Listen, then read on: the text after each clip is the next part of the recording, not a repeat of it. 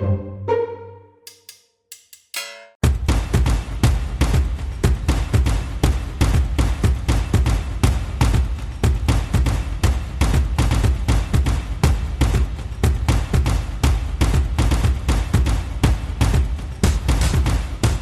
Başkasının beynine girmek mümkün mü? Ben de girebilir miyim ya da benim beynime girerler mi? Efendim bu soru bana en çok gelen sorulardan biri çünkü doğal olarak hepimiz yani bir insanın zihnine girip düşüncelerini okumak, beynine müdahale etmek ne kadar mümkün onu bilmek istiyoruz. Bunu bilmek istememizin tabii bir tarafı da hani bana olur mu yarın bir gün biri gelip bizim sistemi ihlal eder mi, içeriği hack eder mi falan filan gibi modern zamanın enteresan korkuları var. Şimdi beyne girmek, bir başkasının beynine girmek Zaten fiziksel olarak birkaç yüzyıldır yaptığımız bir şey. İnsanın yaptığı en eski ameliyatlar beyin ameliyatları bu arada enteresan. Ee, böyle yerli kabileler falan bile işte bir şekilde kafası çok ağrıyan, belki de e, zaman içinde işte beyin tansiyonundan, beyinde sıvı birikmesinden muzdarip kişilerin böyle kafatasına delik açıp bir şekilde içindeki suyu boşaltmışlar falan. Yani beyne fiziksel olarak biz bayağı uzun süredir giriyoruz. Ama beyne fiziksel olarak her girdiğimizde ilginç bir şey fark ediyoruz. Yapacağımız en ufak bir manevra hatası, en küçük bir yanlış insanın zihinsel işlevlerinde çok büyük bozulmaya sebep oluyor. Yani ne zaman beynin içine biz girsek beynin çok hassas ve aynı zamanda da kişiye özel bir yapılanması olduğunu fark ediyoruz. 100 kişinin beynindeki aynı yere aynı şekilde minnacık bir hasar verseniz hemen hemen yüzünde de farklı sonuçlar elde ediyorsunuz. Bu mesela beyin cerrahisinden ya da beyin yaralanmalarından e, bize ne öğretiyor şöyle tarihte baktığımız zaman? Herkesin beyni kendine özel bir yapılanmaya sahip. Bunu zaten daha ilerideki soru yorumlarda da bolca konuşacağız. Hem de açık beyin içinde de en çok anlatmaya çalıştığımız konulardan e, birisi bu. Beynimizin bize özel yapısı. Şimdi beynin içine girmek dediğimizde aslında fiziksel olarak değil de böyle zihnimizin içine, o deneyimlerin içine girmeyi kastettiğimizden tam da bu biraz önce söylediğim benzersizlik meselesi burada çok önemli bir parametre haline geliyor. Neden öyle? Şimdi gelişen bilgisayar teknolojileri, işte o beynimizle ilgili geliştirdiğimiz yeni araştırma metotları falan beynimizin içinde neler olduğunu tarihte hiç olmadığı kadar net ve hızlı bir şekilde görüntülememizi bugün mümkün kılıyor. Yani bir insanı alıp yeterince paranız varsa, ekipmanlara yatırım yapmışsanız ya da tam teşekküllü bir laboratuvarınız varsa beyninde her bir an hangi hücresinde neler oluyor, hatta hangi kimyasallar salgılanıyor ya varana kadar birçok şeyi canlı yayında görebiliyorsunuz. Fakat burada minik bir problem var. Bir kişinin zihnine girmek aslında mümkün fakat bunu ne kadar istediğinize ve o zihnin sizin için ne kadar önemli olduğuna göre değişecek bir şey. Çünkü maliyeti çok ama çok yüksek. Tek bir insanın zihinsel donanımının nasıl bir deneyim yaşadığını doğrudan olmasa bile sinirsel anlamda dolaylı olarak görüntülemenin, izlemenin, tahmin edebilmenin birçok yöntemi var.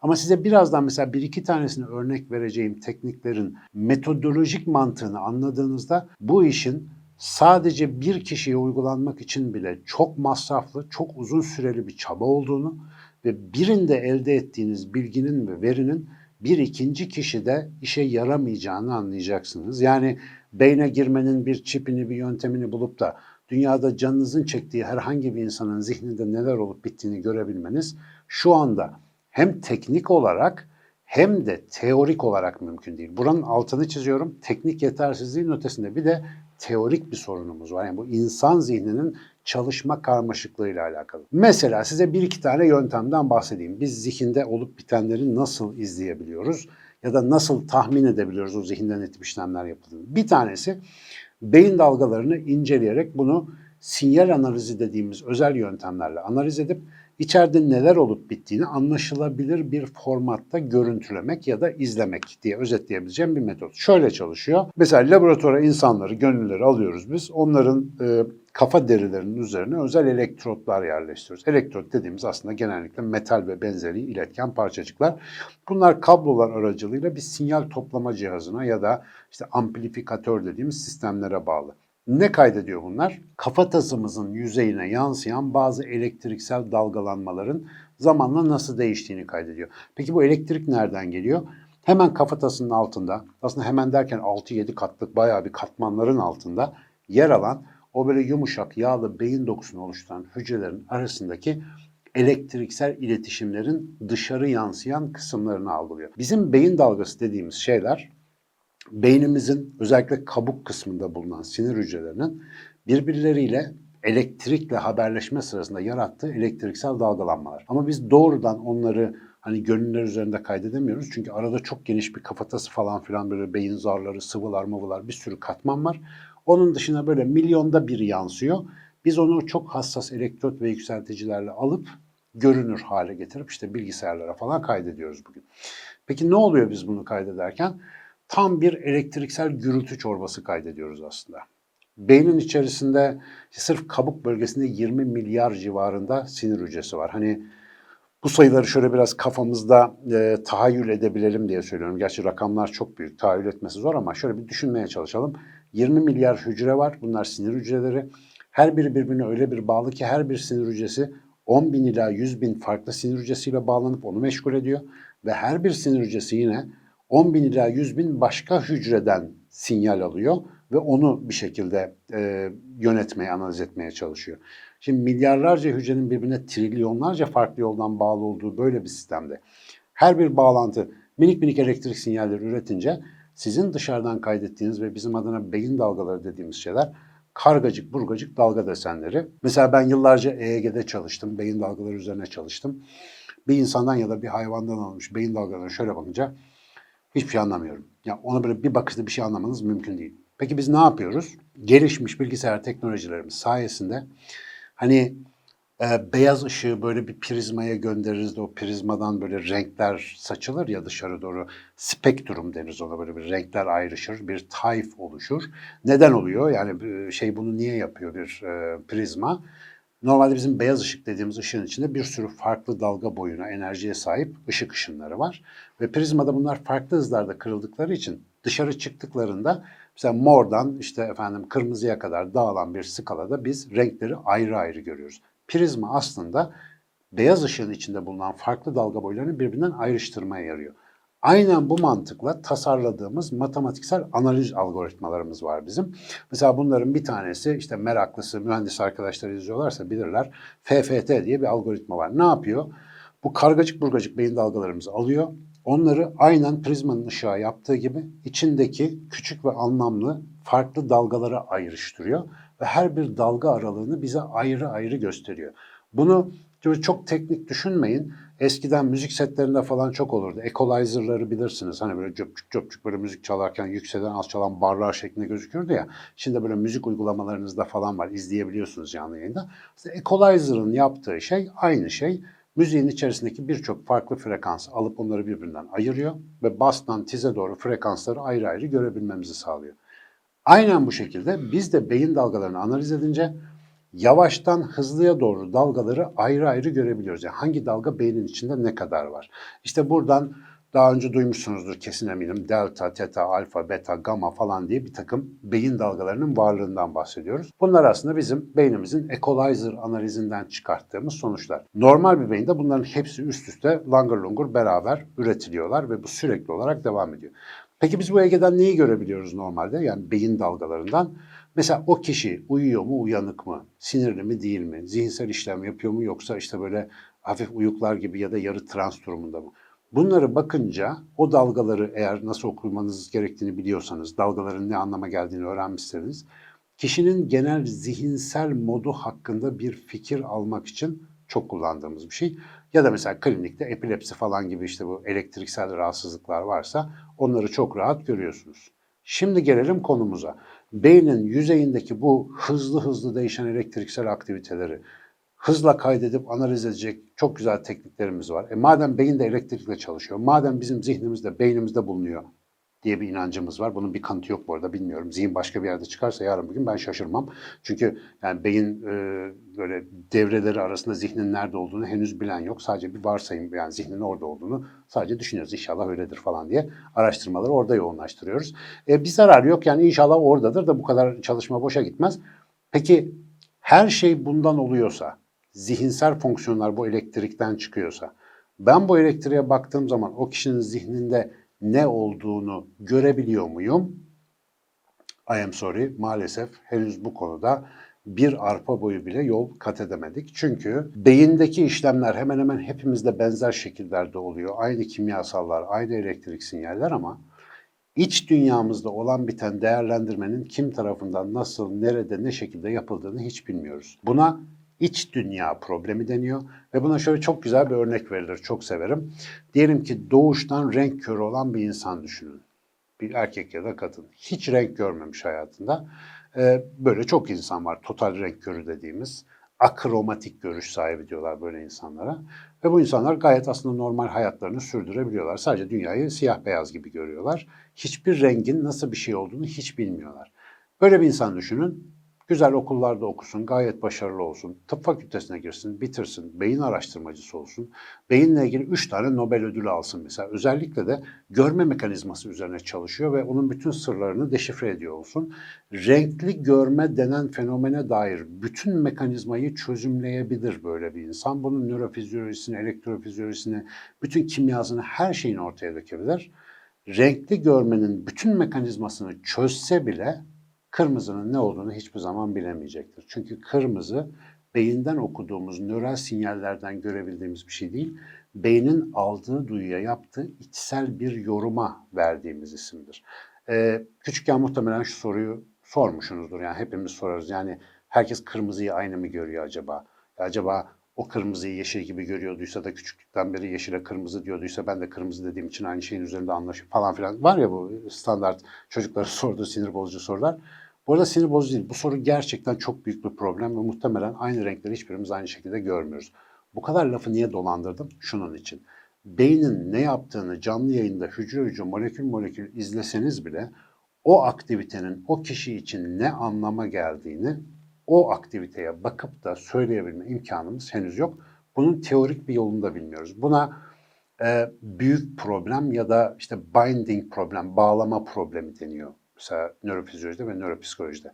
Bu kadar ayrık veriyi alıp da içimizde anlamlı bir deneyim halinde bütünleştirmemizi sağlayan şey beynimizin ya da zihnimizin neresidir çok bilmiyoruz.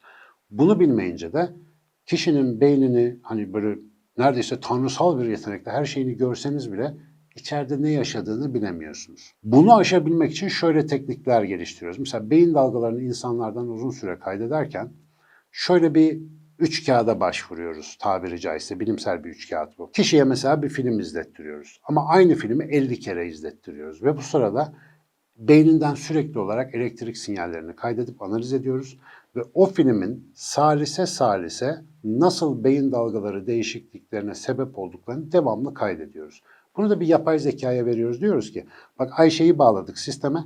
Ayşe'ye ben ne zaman şu görüntüyü göstersem beyninde bu oluyor. Ne zaman şunu göstersem de şu oluyor diye yapay zekayı yazık orada köle gibi çalıştırıp saatlerce, günlerce yapay zekaya Ayşe'nin beyninin o gördüklerine nasıl tepki verdiğini öğrenmesini sağlıyoruz. Sonra Ayşe'ye daha önce görmediği bir görüntü gösteriyoruz ve yapay zeka diyor ki Ayşe muhtemelen şunu görüyor.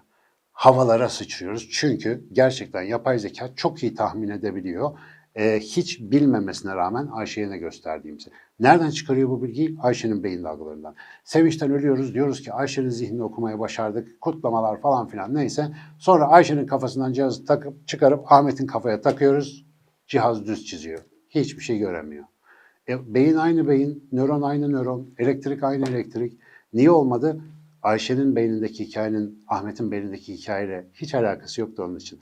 Ayşe'nin beynine milyonlarca dolar yatırım yaparak onun ne düşündüğünü öğrenmemiz bir ikinci insan için hiçbir işe yaramıyor. Üçüncü de hiç işe yaramıyor. Herkes için bu tekniği ayrı ayrı geliştirmemiz, ayrı ayrı o kişiye özel olarak eğitmemiz lazım. Ve dikkat edin, yapay zeka sadece ne yapıyor burada? Ayşe'nin beyninin belirli yani bilinen uyaranlara verdiği tepkiden bir örüntü öğreniyor. Diyor ki bunun gibi şeylere şöyle cevap verir. Siz eğer eğitimi çok uzun e, sürelerle film seyrederek ya da farklı farklı uyaranlar vererek çok detaylı bir şekilde yaptırırsanız Ayşe'nin bayağı uzmanı olan, Ayşe'nin ne gördüğünü pat diye söyleyebilecek bir yapay zeka yapıyorsunuz. Ama bu tecrübe sadece Ayşe'de çalışıyor. Benzer şekilde beyin görüntüleme tekniklerimizle de yapılıyor bu işlemler. Beyin görüntüleme tekniği dediğimizde işte duymuşsunuzdur MR diye bir teknik var. Beyin filmi çekmeye yarıyor. Onun bir de işlevsel versiyonu var. Beynin neresi bir şey yaparken ne kadar çalışıyor, nere çalışıyor, nere çalışmıyor bunu böyle canlı yayında yine gösteren teknikler var. Bu tekniklerle de aynı şey deneniyor. Bu çalışma bu arada çok daha masraflı bir çalışma tipi. Yine insanlar konuyor. Bir takım sesler ya da görüntüler veriliyor bu insanlara ve defaatle verilen sesler ve görüntülerle bu insanların o görüntü ve seslere verdiği aktivitelerin örüntüleri kaydediliyor. Sonra harika bir şey yapılıyor. Bu insan işte yapay zekanın beynindeki örüntüleri öğrendiği insan MR makinesinin içinde uyumaya bırakılıyor. MR makinesinin içinde uyuyor, uyurken rüya görüyor. Rüya gördüğü zaman makine diyor ki bu arkadaş muhtemelen şöyle bir şey görüyor diye uyandırıyorlar deneyi. Diyorlar ki ne gördün rüyanda? Bir anlatıyor şöyle şöyle bir şey gördüm. diyorlar bizim makine bunun rüyasını çözdü. Gerçekten de yeterince uzun süre eğitirseniz bir insanın rüyasında ne gördüğünü bile aslında okuyabilirsiniz. Fakat haftalar, belki aylar, belki yıllar süren bu uğraşın neticesinde elde ettiğiniz bilgi yine Ahmet'te hiçbir işe yaramayacak. Çünkü onlar Ayşe'nin verileri. Netice itibariyle insanın beynine girmek, zihnini okumak mümkün. Fakat şu anki teknolojimizde çok zaman alıyor, çok para harcamamız gerekiyor ve sadece büyük oranda o insanın zihninde çalışan bir şey yapıyoruz. Bundan sonra gelişen teknoloji muhtemelen şöyle bir yere doğru gidecek. Yani araştırma, geliştirme yapmak isteyen arkadaşlara duyurulur. Kendi kendine kompleks öğrenme yeteneğine sahip yapay zekaların son kullanıcıya yönelik uygulamalara kadar inebildiği, o kadar yaygınlaşıp ucuzlayabildiği bir zamanda işte kafanıza belki kulağınıza ne bileyim Black Mirror dizisinde olduğu gibi vücudunuzun bir yerine takacağınız ufak bir algılayıcıyla belli bir süre, yani bugünkünden inşallah daha kısa bir sürede sizin davranışsal örüntülerinizi belli bir testle, test dizisiyle öğrenen ve buna göre de sizin algılarınızı dışarıya gösterebilen bir takım yazılımlar ve uygulamalar rahatlıkla çıkacak. Ha iyi mi olacak? Zannetmiyorum. Çünkü biliyorsunuz biz insanlar bir şeyi ne kadar iyi anlar, onu teknolojik olarak ne kadar iyi hack edersek o kadar canına okuyoruz. Dünyaya yaptığımız, doğaya yaptığımız, hayvanlara yaptığımız, kendimize yaptığımız şeyler malumunuz. Ee, yani beynin ne kadar güzel çalıştığını, ne kadar komplike bir şey olduğunu anlamak için evet harika yöntemler ama yarın bir gün birisinin ya da kendinizin zihnine şöyle yakından girebildiğiniz takdirde muhtemelen orayı kurcalayıp işlevini bozmaktan daha fazla bir şey yapmayı tercih etmeyeceğiz. Çünkü insanız yani işimiz gücümüz böyle biraz e, nasıl diyeyim cahilce, çocukça elimizdeki imkanlarla oynamak. Ama tıbbi anlamda, tedavi anlamında ve insanın hayatını daha iyi yapma anlamında bu tip nöroteknolojiler çok çok çok önemli gelecek ödüller, gelecek faydalar vaat ediyorlar. İnşallah bu faydaları göz önüne alıp, inşallah insanın fabrika ayarlarını unutmadan, yani bu insanın aslında nasıl bir organizma olduğunu akıldan çıkarmadan bu tip teknolojilerle zihinlere bakmayı tercih ederim. Yoksa bir insanın zihnini okumak, o zihni manipüle etmek neticede bize çok büyük faydalar sağlayacak uğraşlar değil. Ve şu andaki teknolojimiz biraz önce anlatmaya çalıştığım gibi bir insan için bu kadar çaba göstermemizi gerektiriyor ve ikinci bir insanda çalışmıyorsa e bunun bir sebebi olmalı. Buna bir önce saygı göstererek başlamalıyız. Çünkü bunun gösterdiği en önemli, en önemli sonuç bana sorarsanız her birimiz kendi başına ayrı bir dünya ve evreniz. Bizden bir tane daha yok ve ne yaşıyorsak onu içeriden bir tek biz böyle yaşayabiliyoruz. O yüzden bir başka insanın zihnini merak etmeden önce kendi zihnimizin bir hakkını versek, onun şöyle güzel bir farkında olsak, içine dönsek ve onu bir takdir etsek. Ya arkadaş senden bir tane daha yokmuş, sen ne enteresan bir şeymişsin falan filan diye. Onu azıcık pışpışlasak, cicilesek. Hani bu uçuk kaçık bilim kurgu hayalleri güzel falan ama ömür geçiyor arkadaşlar. Bak şurada 70-80 sene kalacağız. O böyle benzersiz zihnimize biraz daha ilgi gösterelim. Onunla meşgul olalım. Onun istek ve arzularına kulak verelim. Onun korkularına ciddi anlamda dikkat edelim. Ve onunla güzel bir hayat kurmanın yollara bakalım. Çünkü sizden bir tane daha yok. Peki.